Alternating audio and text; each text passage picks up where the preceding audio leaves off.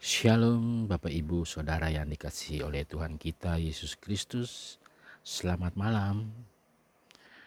Pembacaan firman Tuhan pada malam hari ini terambil dari Yunus 4 Ayat yang ke-6 sampai dengan ayat yang ke-10 Bapak Ibu terkasih Renungan malam ini diberi judul Layakkah engkau marah?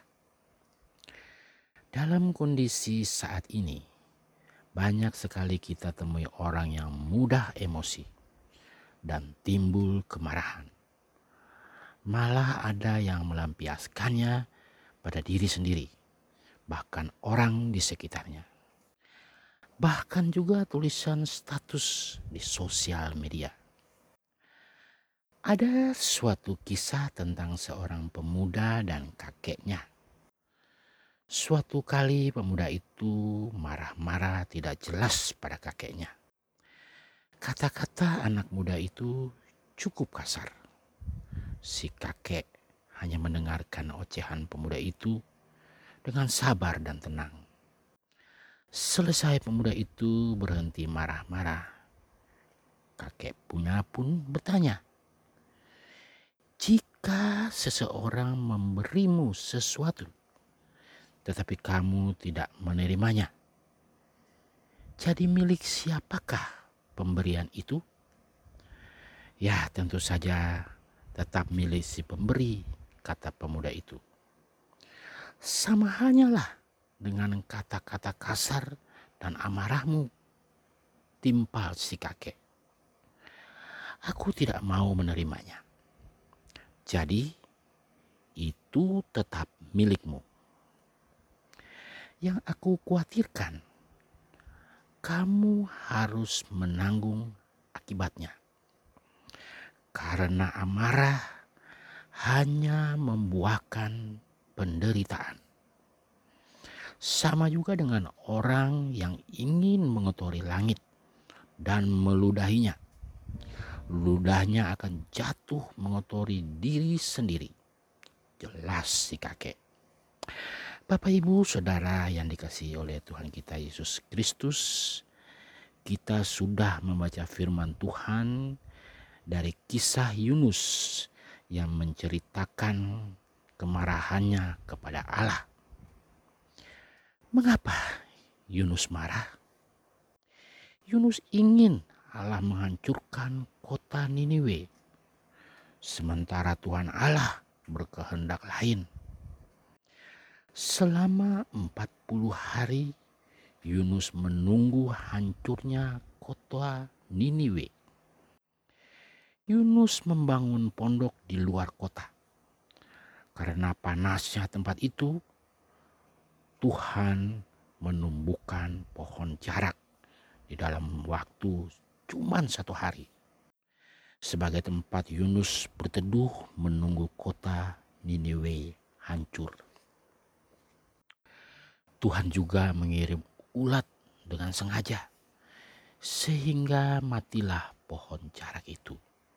Tuhan juga mengirim angin timur yang sangat panas bertiup. Kepala Yunus kepanasan, tertimpa terik matahari. Yunus keletihan dan rasanya pengen mati saja. Saudaraku, sikap protes dan amarah Yunus terlontar di ayat yang ke-9 bacaan kita. Selayaknya aku marah sampai mati. Di ayat yang ke-10 Bapak Ibu. Tuhan mengatakan kenapa Yunus lebih menyayangkan matinya tanaman jarak yang bukan hasil tangannya.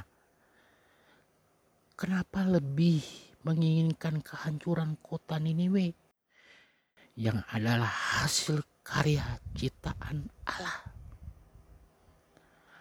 Allah sangat mengasihi umat ciptaannya tanpa membedakan mana yang salah bahkan mana yang benar. Bapak, Ibu, Saudara yang dikasih oleh Tuhan kita Yesus Kristus, kita tidak berhak marah-marah tentang apa pun yang Tuhan perbuat di dalam hidup ini.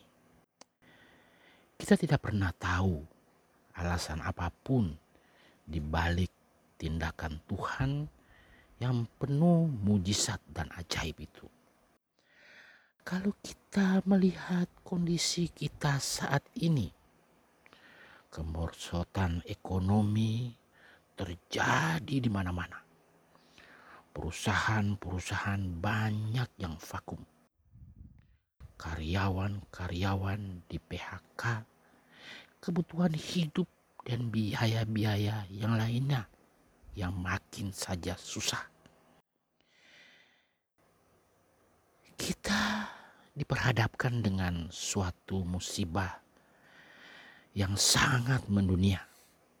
Virus corona yang memakan banyak korban jiwa di seluruh dunia. Apakah itu yang harus kita marah pada Tuhan? Tentu tidak kan Bapak Ibu. Tuhan sedang memproses kehidupan kita. Tuhan mau kita selalu dekat dan taat padanya. Yakin dan percayalah ada maksud Tuhan yang lebih indah yang akan Dia berikan bagi kita di dalam proses yang kita alami saat ini. Bapak Ibu yang dikasih oleh Tuhan kita Yesus Kristus mengutip firman Tuhan sebagai ayat pamungkas renungan pada malam hari ini terambil dari kitab Yeremia 29 ayat yang ke-11.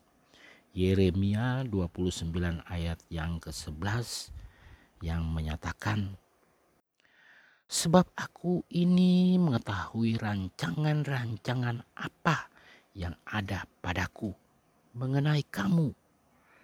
Demikianlah firman Tuhan, yaitu rancangan damai sejahtera dan bukan rancangan kecelakaan untuk memberikan kepadamu hari depan yang penuh dengan harapan. Bapak Ibu tetaplah semangat, tetaplah sehat, tetaplah di rumah. Selamat malam, Tuhan Yesus memberkati.